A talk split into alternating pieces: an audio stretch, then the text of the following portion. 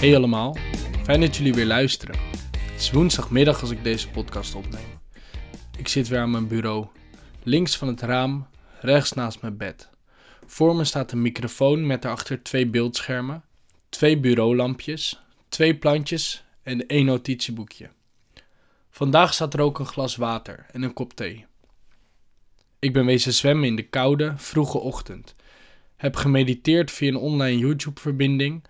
Ben gaan hardlopen en heb weer vijf YouTube-video's gemaakt voor het YouTube-kanaal van mijn moeder. Zij leest prentenboeken voor, zodat de kleuters uit haar klas thuis naar de verhalen kunnen luisteren. Dan hebben de ouders van deze kleuters ook even een moment voor zichzelf of voor een ander kind. Vanmorgen was het stil op straat. De fietspaden waren leeg, de wegen waren nog verlaten. De vogels waren al wakker en de zon scheen vrolijk zijn eerste stralen richting mijn gezicht. Ondanks de dappere poging van de zon beet de kou in mijn gezicht en stroomde via mijn nek langs mijn lichaam. Gelukkig had ik handschoenen gepakt van het kastje naast de deur. Zo kwam ik met een koud hoofd, maar met een opgewarmd en wakker lichaam aan bij het zwemmeer. Het was 17 over 7. Shit. Twee minuten te laat. De stilte, de kou, de rust en de timing.